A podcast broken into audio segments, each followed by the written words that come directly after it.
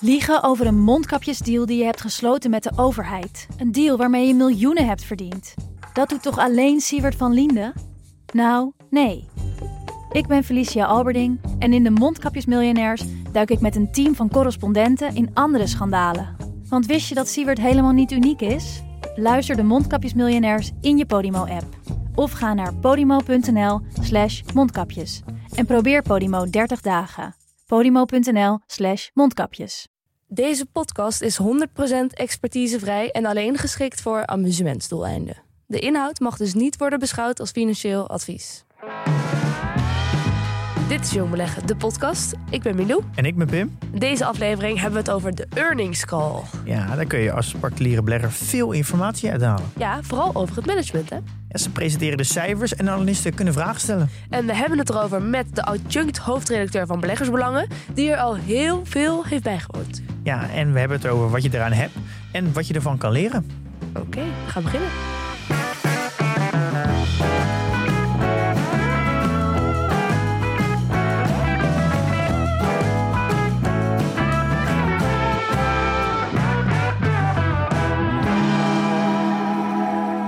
Alvast excuses, ik ben een beetje verkouden. Dus als ik een beetje ja, eh, verstopt klink, dat klopt. Eh, en dat is het alleen. Maar Is, ik eh, nies niet zoveel. Dat Het is heel dapper dat je er weer bent. is dapper, hard voor de zaak. Nou, dat dacht ik wel. Ehm, en we hebben het vandaag over de earnings call. Dus. En dat doen we niet alleen, maar met een gast, Stefan Hendricks. Welkom. Dank je. Ja, we hebben het met jou over eh, de earnings call. Eerst even over jou. Jij werkt voor het tijdschrift... Is het een tijdschrift nog? Ja, Beleggersbelangen. Ja, tijdschrift en, eh, en website uiteraard tegenwoordig. Ja, tegenwoordig website. Maar toen jij begon, op jouw 28ste was dat? Ja. Toen eh, was het natuurlijk nog op papier. Alles was eh, papier. Een website was er inderdaad toen nog helemaal niet. Dus alles had ook vertraging. Dan Ja. kon weinig in één, keer, in één keer doen. Dus ja, er is wel een, heleboel veranderd. Maar de kern van het beleggen is eigenlijk nog best wel hetzelfde gebleven. Ja, en jullie brengen nieuws dat beleggers aangaat dan eigenlijk. Ja, je zou kunnen zeggen, onze hoofdactiviteit is het adviseren over individuele aandelen. Dus we geven beleggingsadvies, aandelen kopen, houden of verkopen. En dat doen we voor Nederlandse bedrijven, maar ook voor een aantal internationale aandelen. En we hebben het eigenlijk op de eh, redactie onderverdeeld in sectoren. Dus iedereen volgt een x aantal sectoren. En zelf ben ik bijvoorbeeld verantwoordelijk voor farmacie en nutsbedrijven. Oké, want ik, je bent adjunct hoofdredacteur. Ja, Dus, maar die schrijft zelf ook nog wel. Die zit niet alleen maar eh, andere mans stukken te beoordelen. Nee, zeker niet. Nee, het, eh, het beoordelen van andermans stukken laat ik vooral over aan de eindredactie. Ja. Dus als je in de hoofdredactie zit, heeft het vooral te maken met de koers die het, eh, het magazine uit moet zetten. Maar ik vind mijn belangrijkste werkzaamheden zijn toch vooral het, het analyseren van die bedrijven. En het beheren van een tweetal portefeuilles. Dat doe ik samen met een collega.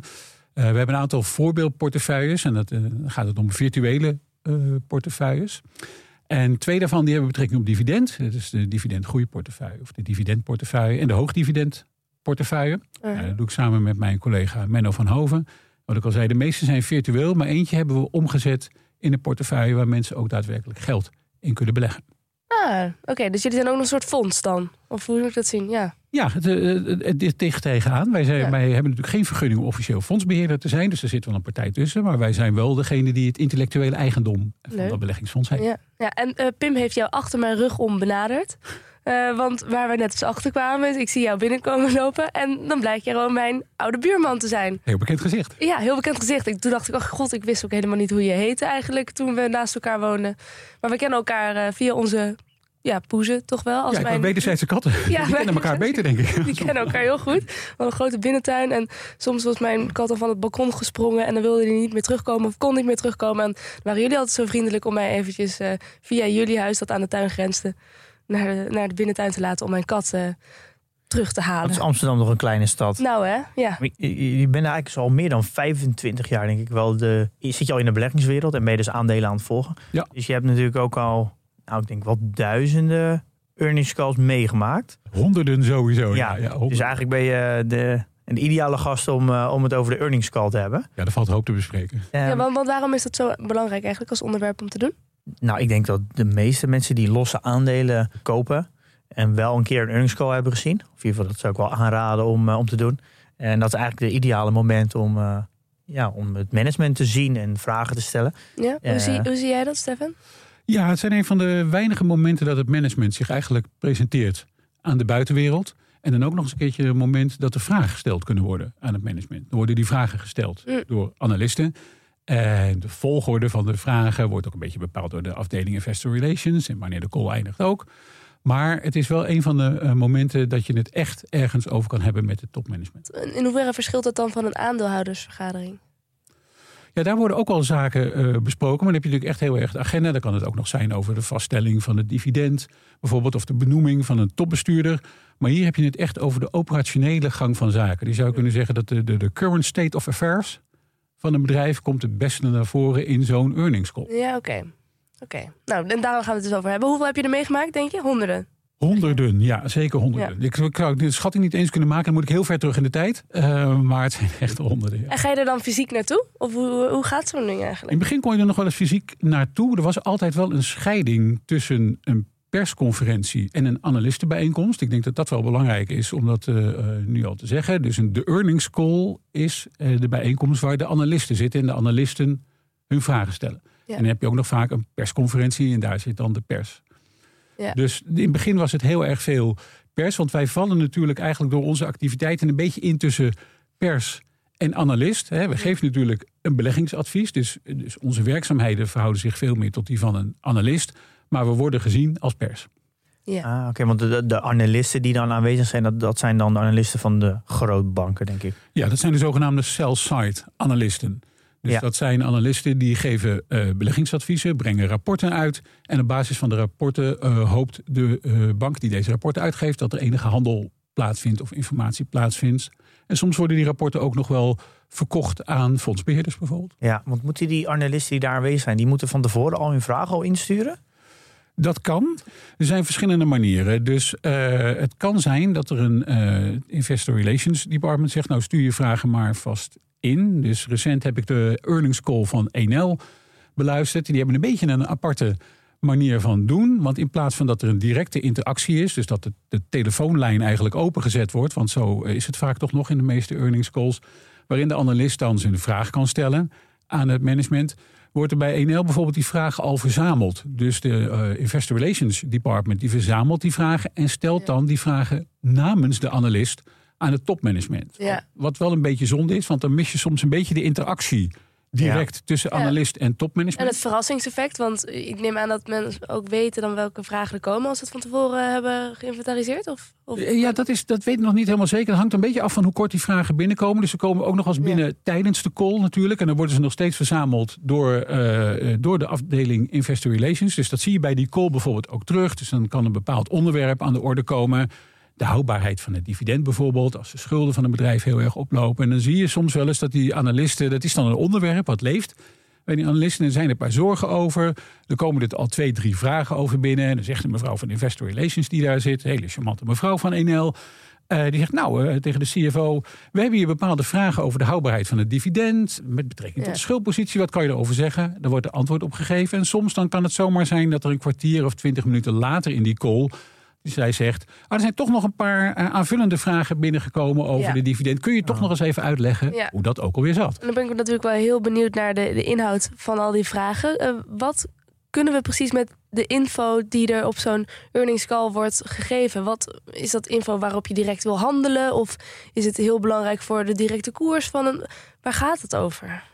Nou, soms kan het, eh, misschien komen we er later nog over te spreken, maar soms kan het directe koersimplicaties hebben wat daar wordt gezegd. Oké. Eh, dus je moet het eigenlijk zo zien, voordat zo'n call begint, wordt er eh, in de regel een persbericht uitgegeven. Soms staat ook al een presentatie online, dus dan weet je eigenlijk een beetje het onderwerp van die call. Ja. Maar die, de vragen die gesteld worden, die hebben heel erg betrekking op wat daar is gezegd in dat persbericht, wat er in de presentatie komt. En soms is het een reactie op de, zeg maar, de, de voorbereide presentatie Ja, van het management. ja. Oké. En Als ik het dus zo goed zie, dan heb je dus in de eerste deel bestaat uit een presentatie. Dat is vaak een PowerPoint. En die PDF die wordt al van tevoren gedeeld. Eh, vaak voor beurs meestal volgens mij. Een paar uur later als de beurs open is, dan is vaak de, de earnings call. Eh, en dan wordt, gaat het management toelichting geven op die slides. Nou, vaak is het voor- gewoon voorlezen van die slides volgens mij. Want eh, we zullen geen nieuwe informatie verstrekken. Nee, En dan krijg je natuurlijk het, het, tweede deel. En dat, zijn, dat is de, waar de analisten vragen gaan stellen. Ja. En dat is natuurlijk het moment dat, eh, dat er natuurlijk eventueel nieuwe informatie naar buiten kan komen. Als een analist natuurlijk een goede vraag stelt en het management daar eh, antwoord op geeft waarvan iedereen denkt: hé, hey, wacht even, dit wisten we nog niet. Ja. Eh, is dat een beetje de indeling? Ja, de structuur is inderdaad bijna altijd hetzelfde. Dus je wordt welkom geheten door de afdeling Investor Relations. Die wijs je dan ook nog even op de disclaimer. Die betrekking heeft op forward-looking statements, zoals dat zo mooi heet. Er zitten allerlei voorwaarden aan hoe je die moet interpreteren als belegger. Nou, dat is meestal zo'n slide die op in één keer doorgeswoest wordt. Ja, lekker belangrijk. Uh, lekker belangrijk, want iedereen weet het al, want we hebben hem allemaal al honderdduizend keer gezien. En dan beginnen we inderdaad met wat ze dan noemen de prepared remarks. Dus dat is een voorbereide presentatie van het management. Wat je net zegt, meestal van een, eh, een PowerPoint uh, opgelezen, niet heel veel nieuws. Daarna komt inderdaad het meest interessante deel. Dat is de QA-sessie. En dan eindigen we meestal met een nog wat stichtende woorden. Een afsluiting van het uh, Management of Investor Relations. Wordt iedereen bedankt en wordt er opgehangen. Ja. Um, ja, die vraag- en antwoordsessie, dat is natuurlijk het meest interessante. Uh, dat maakt eigenlijk zo'n earnings call leuk. Want die prepared remarks, dat weet iedereen wel waar dat naartoe gaat. Namelijk een beetje positief praten over het eigen bedrijf? Of? Ja, ja, precies. En, en daar wordt al heel erg gestuurd naar wat wil zo'n bedrijf nou uh, eigenlijk als eerste graag naar voren brengen. Ja, ja. Um, want zij willen natuurlijk zo goed mogelijk uh, voor de dag komen. En uh, het is dan aan de analisten om, en, en aan de, de halfjournalisten om er uh, de moeilijkere gevallen uit te halen of te laten zien van nou zo gaat het volgens mij echt met het bedrijf. Ja, zeker. Zij hebben er baat bij om te doen alsof het goed gaat. Tuurlijk, iedereen die zijn resultaten presenteert, die zal toch voornamelijk de nadruk leggen op de dingen die goed gaan. Ja. Of de dingen die sociaal belangrijk zijn. En dat is op zich ook wel iets van de laatste tijd. Hè. Zoals ja. ik al zei, ik volg de sector nutsbedrijven. Nou, we weten allemaal wat er nu aan de hand is met je stroomrekening. Die loopt dus al maar op. Nou ja, wat betekent dat dus? Als nutsbedrijf wil je ook eigenlijk zeggen dat je bijvoorbeeld wel een bepaalde bijdrage levert aan de maatschappij door of de prijzen uh, beperkt te houden of de overheden uh, allerlei, op allerlei manieren te helpen. Ja. En dat zie je dan dus ook wel eens ontstaan bij zo'n call. Dat, nou, de laatste call is wel een goed voorbeeld denk ik van het Franse nutsbedrijf Engie. Ja. Dat is een van de partijen die onvoorstelbaar profiteert van die gestegen stroomprijzen. En dat staat natuurlijk nu in deze markt een beetje zo-zo. Dus ja, normaal gesproken had zo'n bedrijf willen zeggen: onze winst explodeert. We verhogen onze uh, winstverwachting. Kijk, het gaat met ons ongelooflijk goed.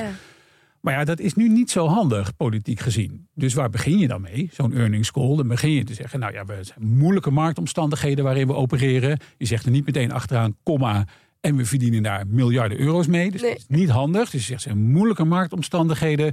En we begrijpen dat iedereen het lastig heeft met stijgende energieprijzen. En daar proberen we dan ook veel aan te doen. We zijn in gesprek met de Franse overheid en de Belgische overheid. En we Ja. hebben allemaal belastingmaatregelen die ons genomen worden.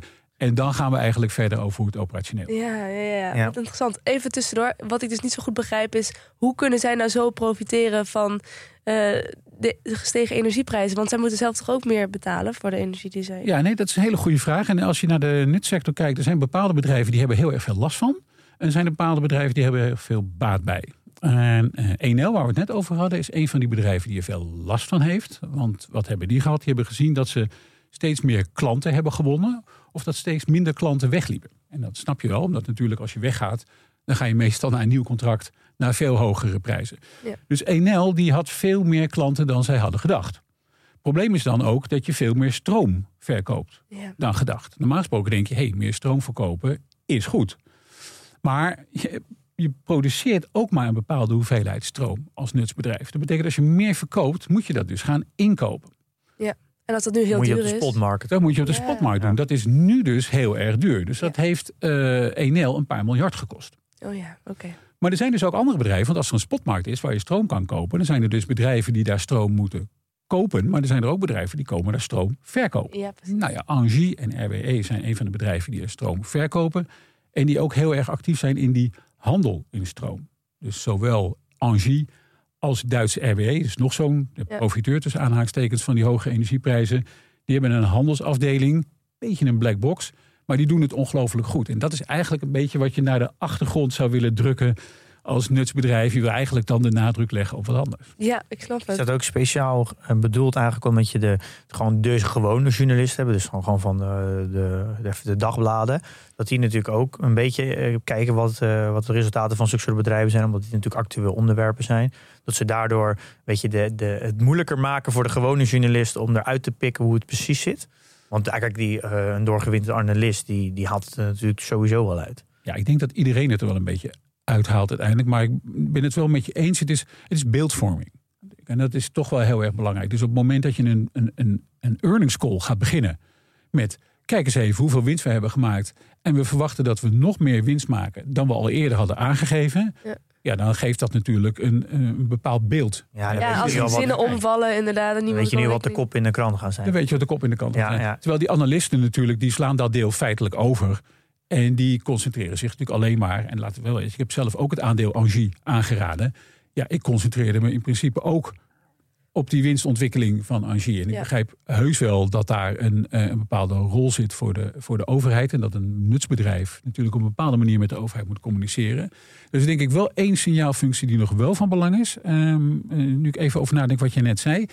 En dat is dat ook analisten natuurlijk wel eh, zien dat op het moment dat zo'n nutsbedrijf onvoorstelbaar veel geld verdient, dat loopt natuurlijk in de gaten. En dat betekent dat je ook op weg bent waarschijnlijk naar nieuwe belastingmaatregelen. Ja, ja. En dat gaat natuurlijk weer ten koste van de winst. En daar moet je natuurlijk wel weer in de toekomst rekening mee houden. ja, dus ik in, Europa mag je, mag je natuurlijk niet te ver boven het maaiveld uitkomen. Dan, eh, Eh, nee, maar hier wordt het natuurlijk ook eigenlijk gezien als meer als profiteering. Hè? Eh, Ja. Dus eh, we, we hebben het dan over een windfall tax, als we een soort speciale belasting eh, doen, of overwinsten. Dat zijn de termen die allemaal eh, hier gebruikt worden. Waarom? Omdat je misschien als bedrijf niks extra's doet, maar wel Ja. heel veel geld meer binnen. ja. Ja. Dus ik, eh, even een ander onderwerp. Zullen we weer terug naar de, de earnings call gaan? Dus, eh, wie, wie zijn daar eigenlijk eh, allemaal aanwezig? Nou, in, eh, dat hangt er een beetje vanaf, maar in principe is altijd de CFO aanwezig. En de CEO, ehm, die is er in principe ook bijna altijd wel bij. Maar bij sommige bedrijven eh, doet de CEO alleen de halfjaar en de jaarcijfers. Bijvoorbeeld. Oké. En dan hangt het een beetje af van het type bedrijf wie daar dan nog meer bij zit. Eh, dus zoals ik al zei, ik volg ook de farmasector. Ja, daar zitten heel vaak nog het hoofd R&D bij. En soms ook bepaalde divisiehoofden, bijvoorbeeld de divisie oncologie. Ja, en waarom is dat? Soms is de, eh, de materie zo complex dat een CEO of een CFO dat misschien niet helemaal goed uit kan leggen. Dus als we het hebben over ontwikkeling van nieuwe medicijnen, bijvoorbeeld de werking daarvan, eh, in vergelijking ook tot andere medicijnen, dan kunnen de vragen van analisten soms heel gedetailleerd zijn. En dan is het niet meer iets dat door een CEO of door een CFO beantwoord wordt. Dus dan zul je Ja. zien dat er meer mensen bij zijn. Soms, als dat nodig is, zit er ook nog eens de general counsel bij. Hè? Dus dan hebben we als we juridische kwesties spelen, dan is die ook nog Ja, wel eens eh, aanwezig. En uiteraard de afdeling Investor Relations. Ja, wat, wat mij dus op, opvalt, is dat bij alle techbedrijven nooit tussen de CTO zit. Nee, en dat Dat heeft vind denk ik dus heel gek. Ja, dat kan ik me voorstellen. En dat heeft denk ik te maken met het feit dat de analisten die dit soort bedrijven volgen, gewoon heel erg gefocust zijn op de cijfers. En de strategie, alles wat het bedrijf verder omheen doet, vinden zij, kan misschien ook wel verteld worden door de CEO. En er zijn natuurlijk later, dat moet je, er komen misschien ook nog wel op te spreken. De earnings call is natuurlijk niet de enige manier waarop bedrijven naar buiten treden. Dus er zijn ook allerlei andere bijeenkomsten die bedrijven organiseren, waarbij er bijvoorbeeld meer ruimte is om op bepaalde details in te gaan van de business. Dus als ik Welke nog momenten bedoel je dan? nou, er, zijn- er zijn een, een, een aantal eh, meetings nog. Dus de belangrijkste naast de earnings call is natuurlijk de Capital Markets Day of de beleggersdag. Waarin een bedrijf vaak heel erg uitgebreid de tijd neemt om in te gaan op de strategie. Nou, Om weer even te blijven bij dat nutsbedrijf Enel. Die heeft toevallig deze week een strategiedag gehouden. En wat je dan ziet is bij de earnings call zijn er een heleboel vragen over het dividend. Want Enel had een vrij hoge schuldpositie. En het aandeel is vooral aantrekkelijk voor het dividend. Dus nou, je ziet dat verschillende analisten en beleggers zich daar dan wel een beetje zorgen over maken. Hoe moet dat nou verder? Het enige wat het bedrijf dan zegt, nou voor dit jaar houden we vast aan het dividend wat we al hebben beloofd. En op alle vragen die kwamen van hoe wordt jullie dividendbeleid dan de komende jaren, verwees de CFO in dit geval naar de Capital Markets Day. Op de Capital Markets Day gaan we jullie al allemaal uitleggen wat we de komende twee of drie jaar gaan doen. Nou, die hebben we net gehad. Daar wordt dan het dividendbeleid weer bevestigd. Daar wordt voor 21 miljard aan desinvesteringen aangekondigd. Dan krijg je allemaal dat soort momenten. En bij farmabedrijven bijvoorbeeld heb je dan nog heel vaak R, zogeheten R&D-dagen. Dus daarin wordt dan de nadruk gelegd op de pijplijn van nieuwe medicijnen. Wat, wat kun je allemaal van ons verwachten? Op welke therapeutische gebieden concentreren we ons? En dan heb je dus veel meer de, ga je daar veel meer de diepte in. Een beetje misschien wat jij bedoelt met waarom zit een CTO er niet bij bij een techbedrijf. Ik vind dat dus eh, best gek, omdat je wat je aangeeft bij een uh, farmabedrijf, daarvoor zit natuurlijk een, iemand hoofd van research om uit te leggen in welke stadium bepaalde medicijnen zijn. Dat is natuurlijk voor analisten een heel, ja, heel belangrijk om te weten ja, wat speelt er precies, welke fase zit iets. Want dan kan je ook een beetje een inschatting maken hoe, ver hoe vol zit die pijplijn voor de komende tien jaar. Dat is ook heel belangrijk voor farmacie. Maar natuurlijk bij tech is dat natuurlijk ook hoe, ja, hoeveel legacy heb je in je codebase. Dat is bepaald natuurlijk hoeveel onderhoud je moet doen in de toekomst. Maar ook, ja, wat zijn de ontwikkelingen? Nou, neem bijvoorbeeld uh, zo'n metaverse. Uh, het is natuurlijk heel belangrijk eigenlijk dat daar al weet Mark Zuckerberg zelf natuurlijk ook heel veel van technologie. Maar daar zou eigenlijk iemand bij moeten zitten die al een beetje kan uitleggen wat zijn nou, wat zijn de ontwikkelingen van deze technologie. Hoe lang duurt zoiets? Wat is de stadium? Het is eigenlijk heel erg vergelijkbaar met, uh, met farmacie. Je spreekt ook een belegger met een groot techhart. Ja, ja, nee, nee zeker. Ik, nou, en dat ik mis dit heel erg. En bijvoorbeeld bij Just Eat, daar is, vind ik, een hele grote frustratie dat er drie verschillende techplatformen zijn. Ze hebben die overgenomen van Grubhub en van Just Eat in Engeland. En ze hebben dan uh, die van uh, eigenlijk in Europa van Liverando en Thuisbezorg nog. Er zijn drie tech-platformen die eigenlijk allemaal heel oud zijn. En dat, dat is onwijs inefficiënt. En dat is dus uh, helemaal omdat de marges daar niet zo hoog zijn, is dat een heel grote kostenpost. Maar daar wordt nooit over gesproken. En het is eigenlijk een heel belangrijk onderdeel van Just Eat. Want het is, het is eigenlijk een techbedrijf. Dat daar nooit de CTO zit om, om daar vragen op te antwoorden, frustreert mij dus heel erg. Ja, dat kan me heel goed voorstellen. En ik denk dat analisten daar misschien ook wel een rol hebben te spelen. Want ik vermoed dat door, door druk van analisten of de detailvragen van analisten, bijvoorbeeld in de farmasector, want wat jij misschien met tech hebt, heb ik dan met pharma. Dus daar zit ik ook heel veel in. Daar weet ik dan ook heel veel van. Daar heb ik heel veel over gezien. Um, ik denk dat daar die analisten gewoon die vragen wilden stellen en daar gewoon die antwoorden op wilden hebben. En bij Meta valt mij bijvoorbeeld op dat, ja, als we het hebben over de, de toekomst van Meta, wat voor platformen moet dat eigenlijk worden, dat het dan vooral gaat om de kosten. En dat zul je ook de afgelopen weken hebben gezien. Daar ging het uiteindelijk om. En, en, dan wordt een reorganisatie wordt met heel veel gejuich begroet. Terwijl je misschien nog af moet vragen van is dat de juiste strategie voor het bedrijf? Hadden we niet een ander pad uitgezet? Um, dus het heeft denk ik ook te maken met de, de wens en interessegebieden van analisten. Dus misschien dat als er weer een andere generatie analisten komt die meer, hè, die, die meer voeling heeft met bijvoorbeeld dit soort techplatformen, dat je ook andere vragen krijgt. Want bij de uh, farmasector zie je bijvoorbeeld ook heel veel analisten die, die voorheen werkzaam zijn geweest in de medische sector. Dus dat zijn ook analisten die dan die vragen ook op dat detailniveau kunnen stellen. En ik vermoed dat wat jij nu schetst, dat een, een groot aantal van die analisten waarschijnlijk niet, uh, niet goed in staat is om die vragen op dit niveau te stellen. Ja, nou dat, dat merk ik dus ook wel. Dat de meeste analisten die iets over tech doen, nooit in tech hebben gewerkt. Ook nooit geprogrammeerd hebben dat soms ik vragen hoor, dat ik denk, ja, dit is. Als ik een klein beetje ervaring heb in technologie, dan is dit eigenlijk best wel een hele domme vraag. Wim, hoor je je roeping al? Nee, dat ga ik zeker niet doen. Oh. Nee. Maar dat, dat vind ik overal, zijn. vind ik algemeen al in de beleggingswereld er heel weinig. Het is natuurlijk voor steeds meer technologie, maar dat er best wel weinig uh, kennis zit in de beleggingswereld zelf over technologie. Ja, dat klopt. En ik denk dat dat een. Uh, misschien nogmaals, is het een, een generatie uh, we zijn net al, uh, nou ja, zo'n bedrijf heeft natuurlijk baat bij om zo goed mogelijk voor de dag te komen. Hoe prik je daar doorheen als je er zelf bij bent en luistert? Waar let je op? Nou, om te beginnen besef je al dat een bedrijf dat natuurlijk doet. Dus alle headlines van een persbericht, alle eerste uh, sheets van een presentatie, daarvan weet je al, hier stelt een bedrijf zichzelf op de beste manier voor. Dus je bent daar al sowieso op voorbereid. Um, dan spelen natuurlijk bij een bedrijf altijd wel een aantal thema's. Dus als, nogmaals terug te komen op NL, als de schuldpositie daar al maandenlang oploopt, ja, dan weet je dat dat een item is. Ook al zal het bedrijf niet boven in een persbericht zeggen, onze schuldpositie is afgelopen kwartaal wederom gestegen. Nee. Dat staat ergens achteraan en op een gegeven moment komen er dan wel misschien één of twee opmerkingjes over. Dus het is, je moet eigenlijk van tevoren al wel wat weten over een bedrijf. Ja om daar, om daar een beetje doorheen te kunnen prikken, om de juiste vragen te kunnen stellen. Alles laat je gewoon meenemen door het verhaal natuurlijk. Nou ja, dat is het grote net. Dat is denk ik wel een hele goede uitdrukking. Want dat is wel het grote gevaar op het moment dat je afgaat op het persbericht. En dan staat ik altijd een ronkende kop uh, boven. En je gaat af op de presentatie.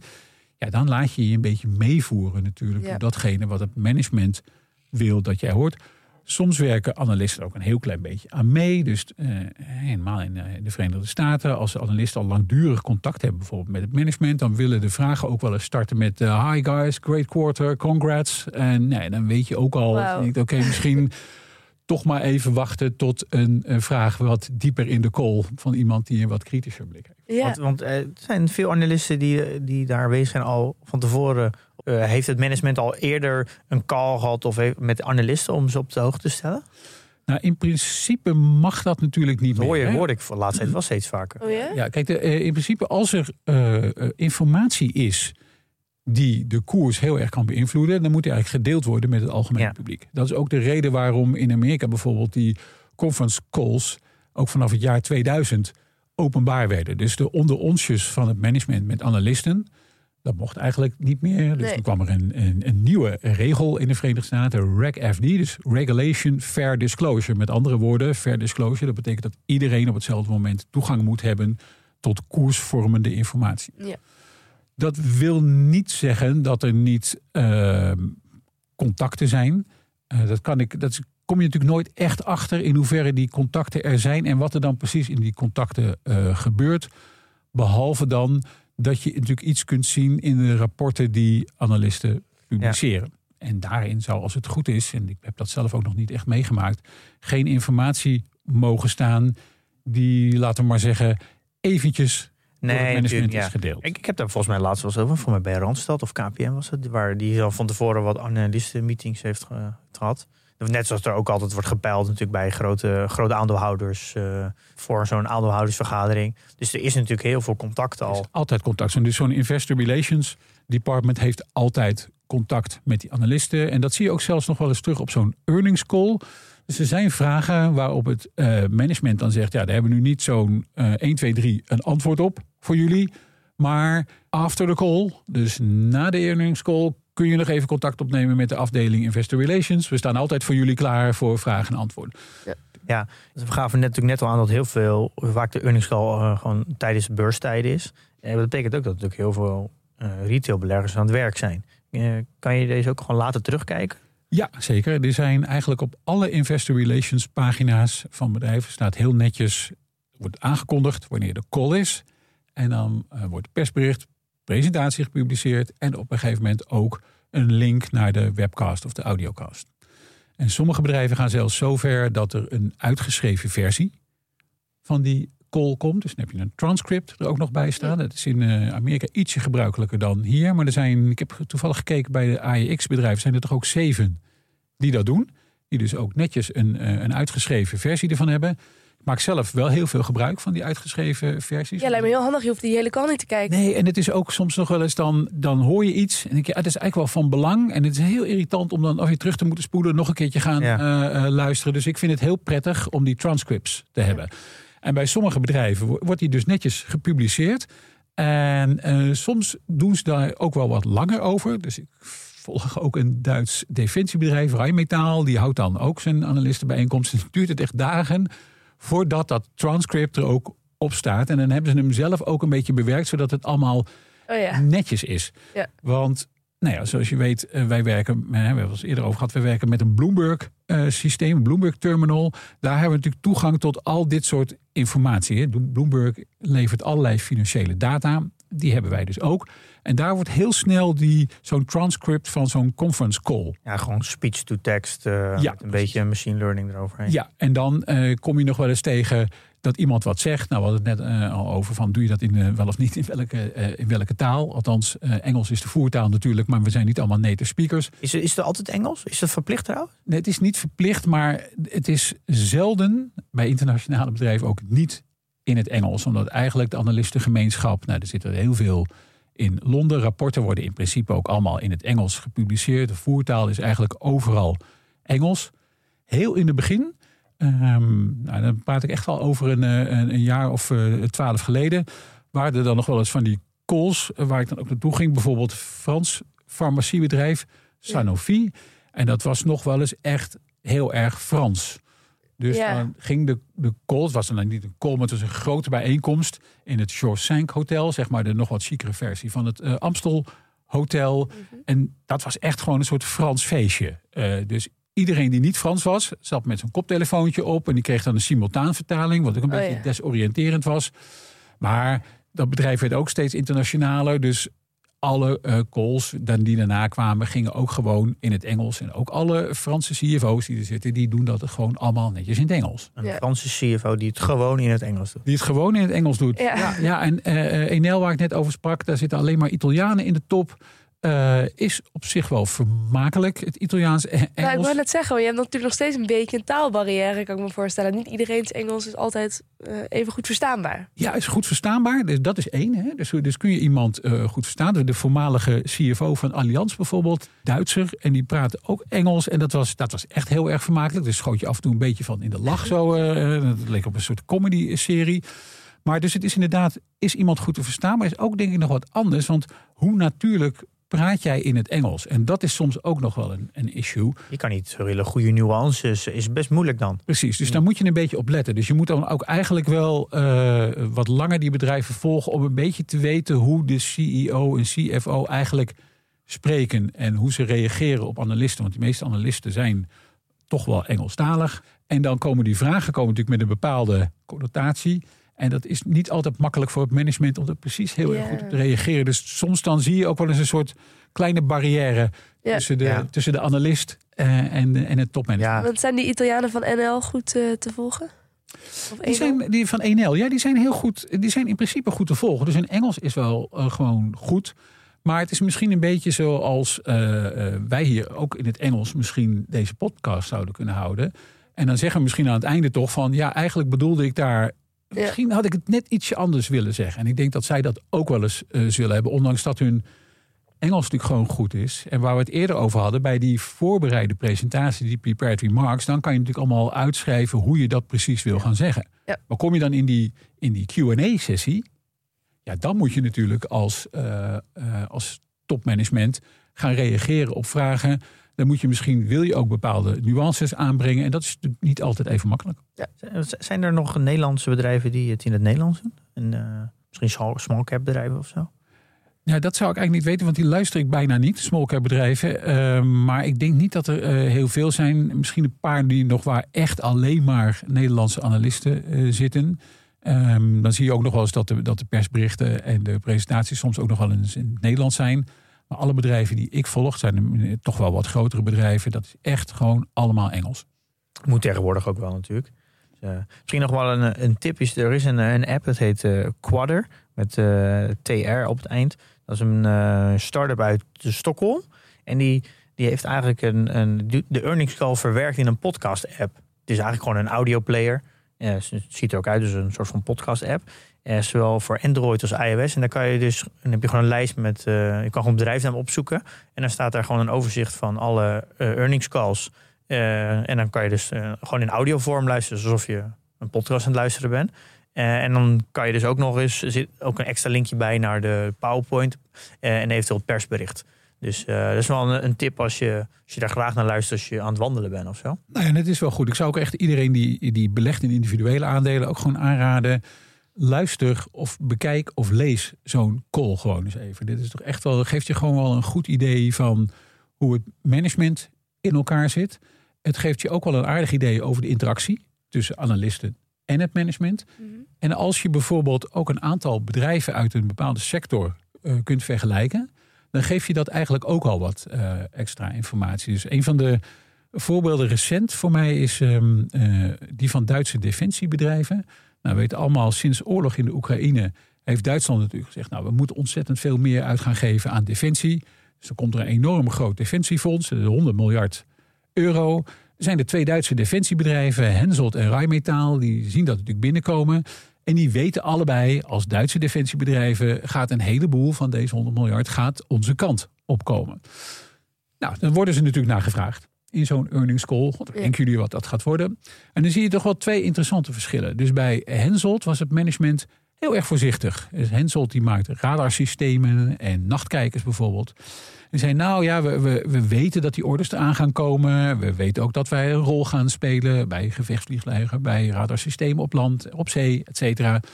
Dus die orders komen onze kant op, maar we walk the talk. Dus je krijgt van ons pas wat te horen op het moment dat wij weten wat die orders zijn. Nou, Rijnmetaal, die maken meer munitie en gevechtsvoertuigen. Die zagen dat ook, maar die waren al vrij snel uh, met het geven van concrete orderbedragen. Dus die zeiden, nou, dit jaar konden die nieuwe orders uit dat fonds wel zo'n 10, 13 miljard euro worden. Een conference call daarna, een earnings call daarna. Ja. Ja, ja, nou, ze zijn nog niet echt doorgekomen, die orders. Het duurt allemaal wat langer bij de Duitse overheid. Ja, het wordt misschien nu 10, 12 miljard. En bij de meest recente earnings call een klein beetje de frustratie van het iMetaal. Die zeiden, oké, nou, nu laten we een aantal van die, uh, van die uh, zaken maar los. We gaan nu uit van 6 miljard. Want uh, ja, het duurt toch allemaal wat langer. We hadden eigenlijk, we wilden jullie wel informatie geven, zeggen ze dan tegen de analistengemeenschappen. We wilden jullie zo graag informatie geven over wat komt er nou uiteindelijk naar ons toe. Hebben we geprobeerd daar een getal op te plakken. Maar we hadden eigenlijk een beetje gerekend buiten de. En dan, dan komt bij zo'n call, bij zo'n QA-sessie wel iets wat dan uh, grappig is. Dan zegt natuurlijk de CFO. Ja, we hebben, ja de Duitse. Uh, dat, proces van voordat je nou met de Duitse regering. en ministerie van Defensie. een afspraak hebt. voordat die afspraak in orde is. Ja, dat komt ook omdat de bureaucratie is. Nou, ik wil niet zeggen. Ik bedoel natuurlijk niet lui, maar uh, zo, zo traag. Ik bedoel, natuurlijk niet lui, maar op het moment dat dat woord in je hoofd opkomt als CFO. En je zegt dat ook nog tijdens een call. Je zegt dan, ja, bedoel natuurlijk niet lui, maar eigenlijk, eigenlijk ja. traag. Dan weet je een beetje wat de uh, frustratie daarvan ja. is. En dan zie je dus hoe twee verschillende bedrijven die met hetzelfde fenomeen te maken hebben, namelijk orders die zeker hun kant op gaan komen, daar op een andere manier mee omgaan. En bij Henselt ja. zag je die frustratie dus niet terug in die earnings call. Het management zei gewoon, ja, het duurt allemaal wat langer. Het komt verder in 2023. Het zegt dus heel veel over het management. Het zegt heel veel over het management. En waarom dat in dit geval voor mij ook belangrijk was. Dat Rijnmetaal zit namelijk ook nog te wachten op een kolossale order uit Australië van 4 miljard euro. En om een beetje een idee te geven, de omzet van Rijnmetaal is 6,5 miljard euro. Dus dan ja. weet je een beetje hoe belangrijk zo'n order is. Ja. Nou, ook over die order was het management al verschillende earnings calls lang heel erg positief. En bij de laatste earnings call kregen ze daar dan ook wel weer een vraag over van de analist. Die zei, ja, ja, jullie zijn best wel... Ik hoor jullie de hele tijd maar zeggen dat die order komt en die order komt. Maar eh, hoe weten jullie dat eigenlijk zo zeker? Dus dan zie je ook al dat vragen van analisten op zo'n call ook al een bepaalde kant op gaan. Precies ja. om die reden. Ja, dus ja. eigenlijk dus wat je dus leert is dat een, het, het management van het ene bedrijf is dus uh, heel enthousiast constant. Die belooft eigenlijk meer dan wat ze daadwerkelijk elke keer waar kunnen maken. Dus dat moet je eigenlijk ook meenemen in de analyse die je maakt. In de complete fundamentele analyse. Waar management natuurlijk ook een groot onderdeel van is. En bij het andere bedrijf, dan weet je van nou, die zijn wat constructiever. Dus als die iets zeggen, dan kan je er eigenlijk wel 100% van uitgaan dat het ook daadwerkelijk binnen is. Dit is dus eigenlijk een hele goede reden waarom je dus ook een earnings call moet kijken. Om een goede fundamentele analyse te doen. Want dan krijg je gewoon heb je echt door met ja, wat voor management er nou zit. Absoluut. Je weet een beetje met wat voor bedrijf je te maken hebt. En daarover, voor mij was in dit geval ook zo'n order van 4 miljard. Die is uh, uit Australië, die is heel erg belangrijk. En in het begin denk je dan misschien als je bedrijf nog niet super goed kent. Die komt dan wel. Hè, dat management is. Uh, je gewoon goed van vertrouwen. Je gaat uit van vertrouwen. Ik wil helemaal niet zeggen dat hij niet komt. Maar mezelf in mijn achterhoofd, als ik nu verder ga rekenen over de toekomst van het bedrijf. Dan hou ik er ook wel rekening mee dat die order misschien niet zou kunnen komen. Daar waar ik misschien een half jaar geleden nog gedacht zou hebben. Ja. Nou, dat Australië, dat zit op zich wel goed.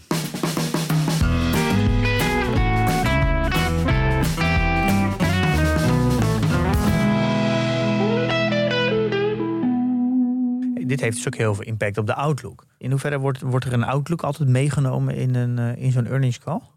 Ja, bijna altijd. Is een, um, wel een redelijk Amerikaans fenomeen om dat te doen. Zo'n uh, zo'n Outlook, daar is het eigenlijk een beetje mee begonnen. Een soort perspectief voor de toekomst, hè? Ja, een Outlook, dat is een... Uh, ja, daar kan je eigenlijk zo... Je zegt een perspectief voor de toekomst, dat is heel breed. Maar je kan het eigenlijk zo specifiek maken als je wil als bedrijf. Dus je kunt hele duidelijke cijfers geven over de te verwachten omzet, de verwachte netto-winst, dividend, marge, et cetera. Je kunt daar van alles en nog wat over zeggen. Meestal gebeurt dat ook al in het persbericht of in de presentatie. Er zijn ook sommige bedrijven die dat niet doen. Dus een van de andere bedrijven die ik volg is een, een heel groot medisch technologiebedrijf. Thermo Fisher Scientific heette die. Een heleboel mensen volgens mij niet van gehoord. Maar wel een bedrijf met een beurswaarde van meer dan 200 miljard. Gigantisch succesvol bedrijf.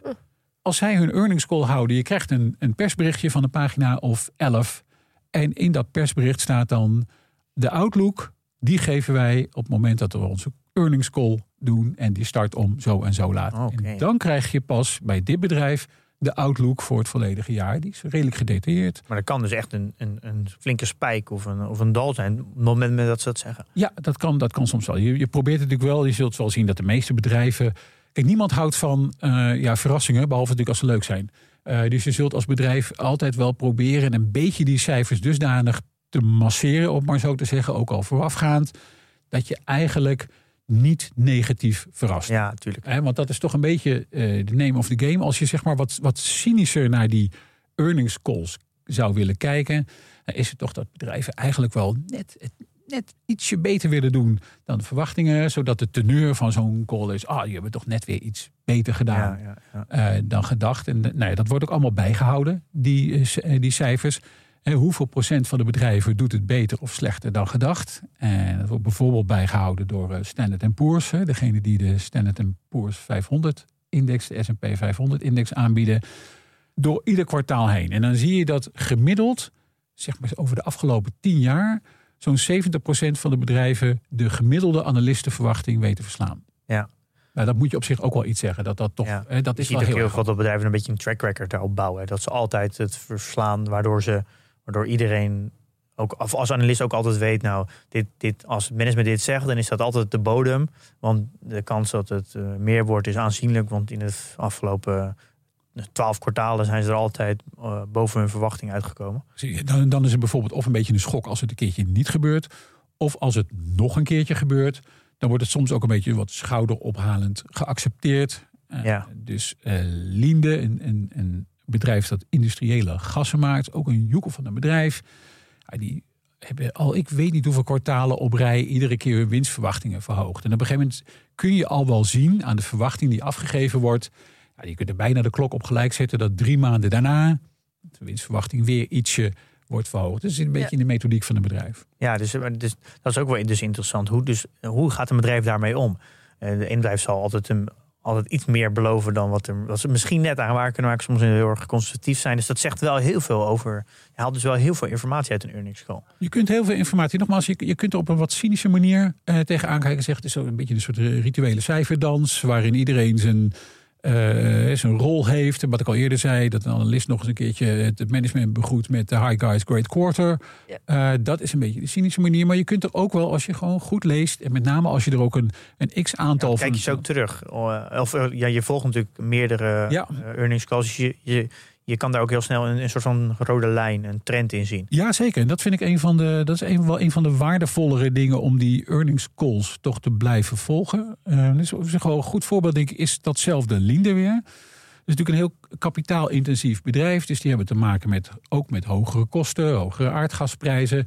Nou, dan weet je natuurlijk dat iedereen zich in die analistengemeenschap zorgen maakt over... hey, kunnen jullie die kosten wel doorberekenen aan jullie klanten? Dus dat is dan, dat was al bijna een jaar geleden, een groot thema op die earnings call. Hé hey jongens, hoe gaan jullie dat doen? Nou, vertelt Linde dan, bij bepaalde contracten wordt het automatisch. En bij andere contracten passen we dat aan. En dat zien jullie drie tot zes maanden daarna terug. Nou, dat is voor mij een belangrijk signaal. Dat betekent dat ik die volgende calls daar, die eh, komen van Linde... dat dat voor mij een belangrijk thema is. Want dat moet ik dan wel terugzien. Op Ja. het moment dat Ja. ik het niet terugzie... op het moment dat, dat de prijzen niet heel erg hard oplopen... Ja, dan weet ik dat er iets niet helemaal goed is Je gaat eens kijken of, ze, of ze, wat ze zeggen ook echt daadwerkelijk klopt. Ja, dus ik dat is voor inspecteur. ja, want je gaat kijken in de cijfers. Ja. Dan zie ik het terug in de cijfers. Maar ik ga ook weer kijken, zie ik het terug in de statements van het management. Blijven ze dit volhouden? Gaan, blijven ze inderdaad zeggen van we berekenen het door, we passen de contracten aan, we zijn er voortdurend mee Ja, het is bezig. natuurlijk heel verleidelijk als dat niet gebeurt om er gewoon niet meer over te praten natuurlijk. Nee. Ja, inderdaad. Ja. Is dat ook, eh, je zei al eerder even tussendoor ergens dat je het leuk vond om te doen. Is dit ook wat het leuk maakt? Ja, dan kijk naar beleggen is niet alleen mijn werk, maar dan toch ook wel mijn hobby. Dus dat maakt het sowieso al een stuk makkelijker om dit soort dingen te doen. Niet iedere earnings call is een feest. Nee? om door te nemen. Er zijn ook wel eens calls waar gewoon niet zo heel veel gebeurt. Dan is het recht zo. Die gaat voor een bedrijf. En dan zie je ook soms wel eens aan de vraag van analisten.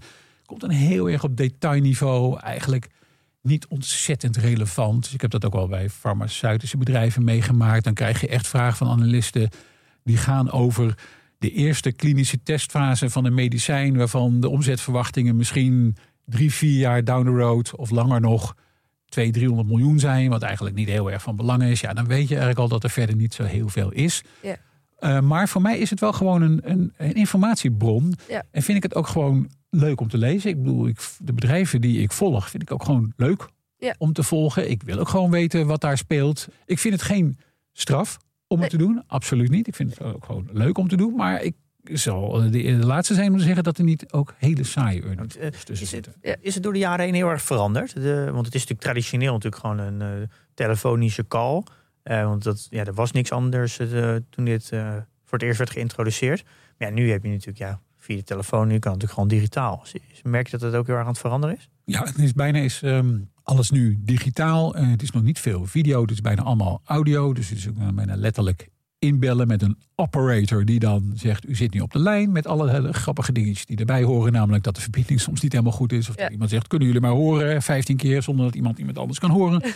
Ehm, vroeger was het inderdaad nog wel eens ook fysiek. Wat ik bijvoorbeeld net beschreef over Sanofi. Dat was dan een fysieke bijeenkomst. Er werd ook heel veel tijd voor uitgetrokken. Dat werd een gecombineerde cijferpresentatie met een R&D-presentatie. Nou, die kon uren duren. Die duurde soms wel 2,5 uur. Met daarna nog een gezellig een, eh, een, een, een hapje en een drankje. eh, wat champagne, wat witte wijn. Eh, nogmaals in het Shore Sank Hotel. Ja, dat is eigenlijk wel een beetje af. Het is wel wat zakelijker geworden nu. Eh, dus dit is gewoon echt een, een informatieve call. En daar zit dan niet heel veel omheen. Ja, maar ik zie, ik, eh, kijk natuurlijk ook af en toe eh, een, aantal. Ik zie wel grote verschillen. Dat sommige heb je gewoon, ik zie gewoon alleen maar een PowerPoint-presentatie. Kijk, je ziet niet eens het management zelf. Nou, dat vind ik dus altijd heel vervelend. Want ik wil heel graag de houding zien van die persoon. hoe die reageert, de mimiek in de gezichten. Eh, dat, dat vind ik dus heel fijn. Alleen als er een, vraag wordt gesteld door analisten. Maar je ziet vaak gewoon een heel, heel langzaam Q&A eh slide. Dus dat zie je dus helemaal niet. Maar je hebt dus ook calls zoals een ASML eh, of een Adyen. Nou, dat zijn gewoon... Er is het is hoger dan een gemiddelde conferentie. Dat is echt met helemaal speciale effecten, animaties... en een hele mooie setting en een grote presentatie waar mensen voor staan en zo. Dus het- je merkt wel dat het niveauverschil heel groot is. Ja, klopt. Heeft misschien soms ook te maken met de sector waarin je actief bent. Maar ja, uiteindelijk is het natuurlijk ook die analisten wel gewoon om de informatie te doen. Dus je kunt een leuk filmpje hebben. Dat bedoel ik niet vervelend vooraf. Maar at the end of the day gaat het toch gewoon om de eh, harde cijfers Ja. en de strategie. En ik ben met je eens dat het soms prettig is om het management echt te kunnen zien. We kunnen zien wat ze zeggen. En ik eh, had ook de call van Adyen gekeken. En als er dan twee mensen heel ontspannen op een bank zitten te praten met iemand van Investor Relations, dan geeft dat natuurlijk ook een bepaalde indruk van een bedrijf. Of je daarmee betere informatie krijgt, want daar is het uiteindelijk mij om te doen. Ik wil gewoon de beste informatie hebben. Ik wil gewoon een bedrijf goed kunnen volgen.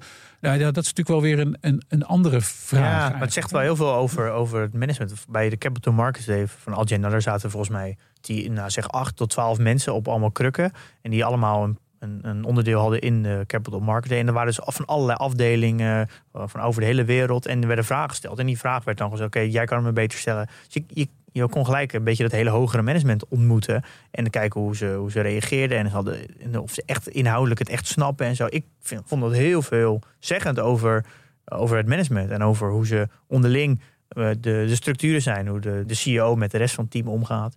Dus ik vind dat je er heel veel uithaalt. Ik ben het wel met je eens dat het uiteindelijk om de informatie gaat. Al is het misschien ook... Ja, ik ben gewoon wat, misschien wat gevoeliger voor de vorm. Of voor ook een, ja, belangrijk is hoe manier hoe, of ik het fijn vind om te consumeren. Ja, dat vind ik wel En grappig. of ik mijn aandacht erbij hou. Ja, nee, maar het is heel grappig dat je dat zegt. Ik denk dat dat ook een, eh, een, een eh, ook dat is misschien een generatie- en gebruikersding, om maar zo te zeggen. Dus heel veel van die analisten vinden het verder prima in het format waarin het tot nu toe is gegoten. Ik vind het wel grappig dat je dat zegt. Ik denk ook wel dat het gaat veranderen de komende tijd. Eh, Het is ook echt een generatieding. Ja, ik moet zeggen, die van ASML en Alzen zijn, zijn, is echt heel leuk om te kijken. In ieder geval vind ik heel leuk om te kijken. Het is echt heel vermakelijk. Dus, Ja, eh, nee, en dat is goed dat je dat zegt. En dat is, eh, je gebruikt het woord vermakelijk.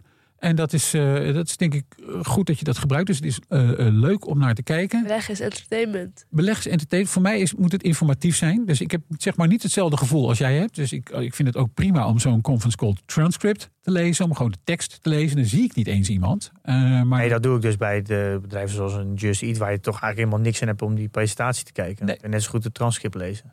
Ja. Misschien ook omdat ik het ook misschien als hobby doe.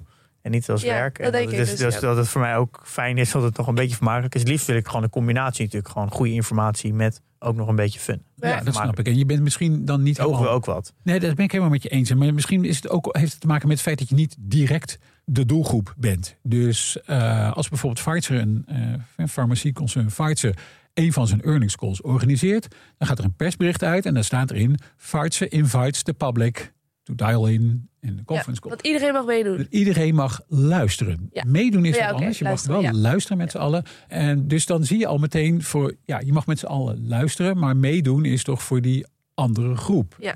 Henselt, waar we het al eerder over hadden, die stuurt ook netjes een persbericht. Die zegt, dan en dan komt onze earnings call. Q&A is voor sell-side analysts only. Dus dan weet je een beetje voor wie is nou uiteindelijk de doelgroep. Dat is Ja. wel belangrijk. Misschien als laatste, omdat het natuurlijk ook getranscript wordt, is het natuurlijk heel makkelijk om met een beetje machine learning eh, en wat is het, natural language processing, om het sentiment natuurlijk uit teksten te halen. Hoe, hoe erg wordt daar gebruik van gemaakt? Als ik het kort zou antwoorden, zou ik zeggen heel erg. Maar dat is misschien wel een onbevredigend kort antwoord. Ja, precies omdat er zoveel tekst beschikbaar is, kan natuurlijk ook heel veel geanalyseerd worden. En omdat je er misschien voordeel mee kan halen, een bepaalde edge, zoals ze dat dan noemen, wordt daar natuurlijk ook echt heel veel gebruik van gemaakt. Dus er is aan de ene kant heel veel academisch onderzoek, maar er is ook heel veel onderzoek van vermogensbeheerders en banken zelf naar wat kunnen we nu uiteindelijk uit die eh, calls halen. En dat begon tien jaar of misschien nog iets meer geleden met hele simpele word count bijvoorbeeld. Dus dan werden gewoon woorden ingedeeld in is dit, heeft dit woord een positieve of een negatieve Ja, ja, connotatie. En daar werd er gewoon eh, geteld. En maar tot er een aantal onderzoekers zeiden: ja, weet je, die woorden, sommige woorden zijn misschien negatief, maar niet in de financiële wereld. Dus er werden, eh, je hebt een, heet geloof ik, een Harvard Psychosociological Dictionary, waarin dan, ja, die, ja, die ken jij misschien, maar daar staan dan woorden in negatief, positieve Ja. connotatie. Nou, daarvan zeiden deze twee onderzoekers, ja, weet je, dat is niet helemaal ehm, zoals het in de financiële wereld gaat. Dus liability, Oh, ja. bijvoorbeeld, is een woord met een negatieve connotatie, maar niet noodzakelijkerwijs in de financiële is wereld. Het kan best neutraal zijn. Is neutraal, is gewoon een, een, een, een kant van de balans. Ja, ja. Dus die hebben een nieuwe woordenlijst samengesteld. Dat was al meer dan tien jaar geleden. Een woordenlijst met volgens mij meer dan 2300 woorden. Die eigenlijk in de financiële wereld iets anders betekenden dan in de, laat maar zeggen, in de echte wereld. En zo is dat een beetje begonnen. Hè, het, het, het onderzoeken van woorden. Maar dat levert ook wel een lastige situatie op. Ehm, want ik las nog niet zo lang geleden in een Investor Relations magazine. Mensen wezen die dat eh, Investor Relations afdelingen adviseren. Wezen op het gevaar van bepaalde zinnen. Dus als je bijvoorbeeld zegt bad debt expenses decreased.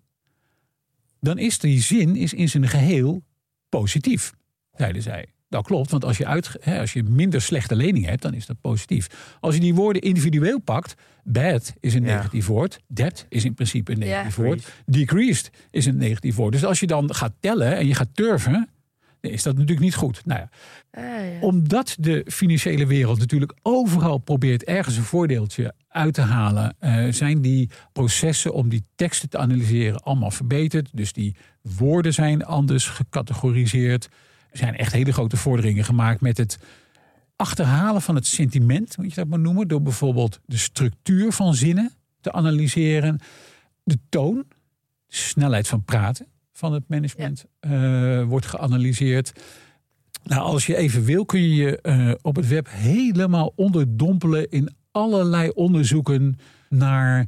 Kun je het sentiment bepalen? Kun je daarvan profiteren? En er zijn de onderzoekers die zeggen, nou, uiteindelijk op zo'n call is dat sentiment wat wij proberen te achterhalen, precies via die natural language processing die jij eh, net al noemde, is belangrijker nog volgens ons dan de harde data zoals omzet en winst per aandeel. Want hier zit het, eh, hier zit het voordeel in. Dus het is een beetje een wapenwedloop.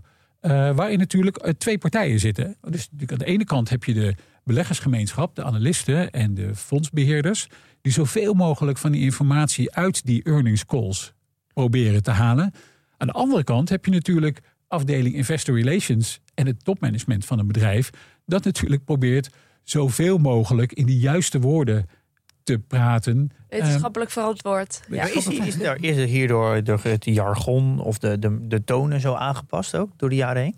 In ieder geval wel is dat het management wel wat voorzichtiger is geworden en wel wat meer bewust is van het feit. Ze zijn ze, topmanagement en investor relations afdelingen zijn zich gewoon bewust van het feit dat alles wat zij zeggen wordt geanalyseerd. Het verdwijnt lopen altijd op eieren eigenlijk. Je loopt een beetje op eieren. Alles dus, wat je zegt komt tegen je gebruikt worden. Ja, precies. Of voor je. Dat kan natuurlijk ook nog. Maar uh, ja, bijvoorbeeld recent op de conference call van Pfizer voor hun halfjaarcijfers.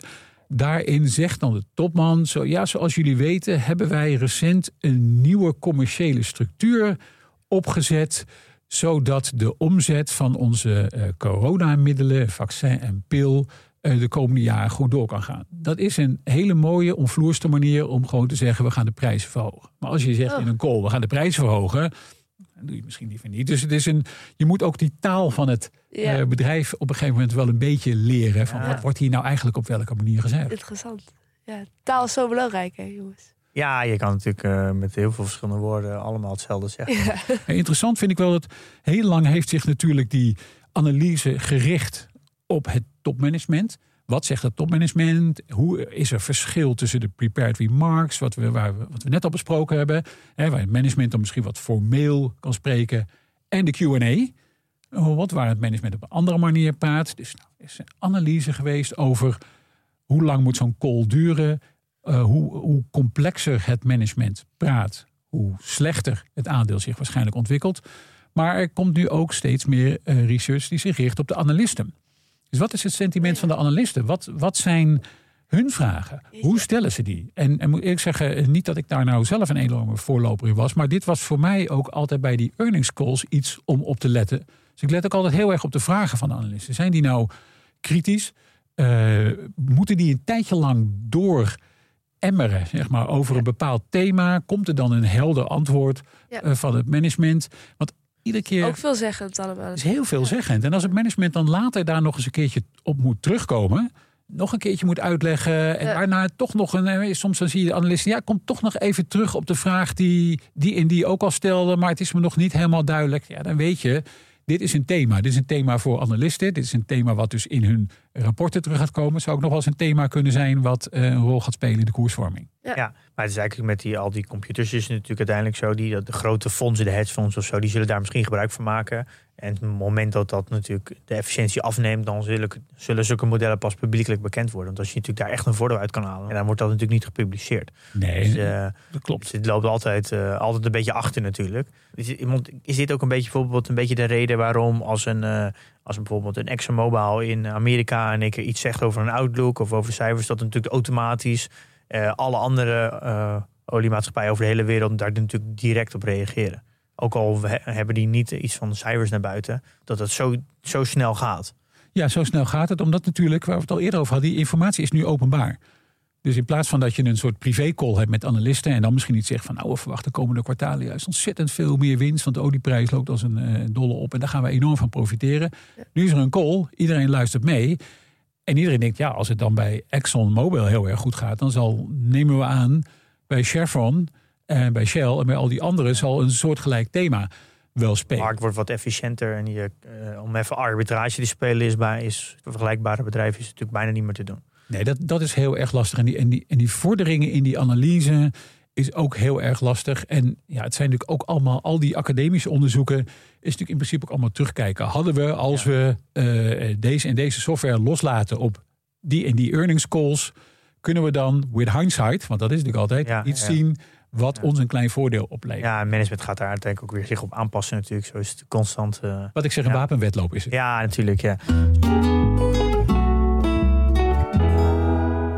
Dus de slotsom is eigenlijk... Ja, een particuliere belegger kan er heel veel aan hebben om een earnings call een keertje mee te maken. Het leert je heel veel over het management met name.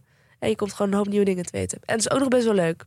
Toch? Ja, meestal wel. Ja. Vind ik wel. Ja. Ga je vandaag nog een, een earnings call doen? Of wat is het eerstvolgende op het programma? Nou, we zitten eigenlijk een beetje aan het, uh, aan het einde van de earnings calls. Dus het cijferseizoen, zoals dat dan zo mooi heet, ja. is bijna een beetje over. Wat ik wel ga doen is, want daar was ik nog niet aan toegekomen, wel de Capital Markets Day van 1L nog helemaal terugkijken. Oké. Okay. Ja. nou, fijne middag worden. ja, ja. ja, voor sommigen wel. Uh, Pim, heb jij nog vragen? Uh, nee. Ik wil je bedanken voor deze diepdive in de earnings call. Ja, dank jullie voor de uitnodiging. Dat was ontzettend leuk. Ja, dank Stefan Hendricks. Leuk om je nog een keer op een andere manier te leren kennen dan alleen maar via de katten. Ehm, dan jongens, sluit ik af met de woorden: investeer in je kennis en beleg met beleid.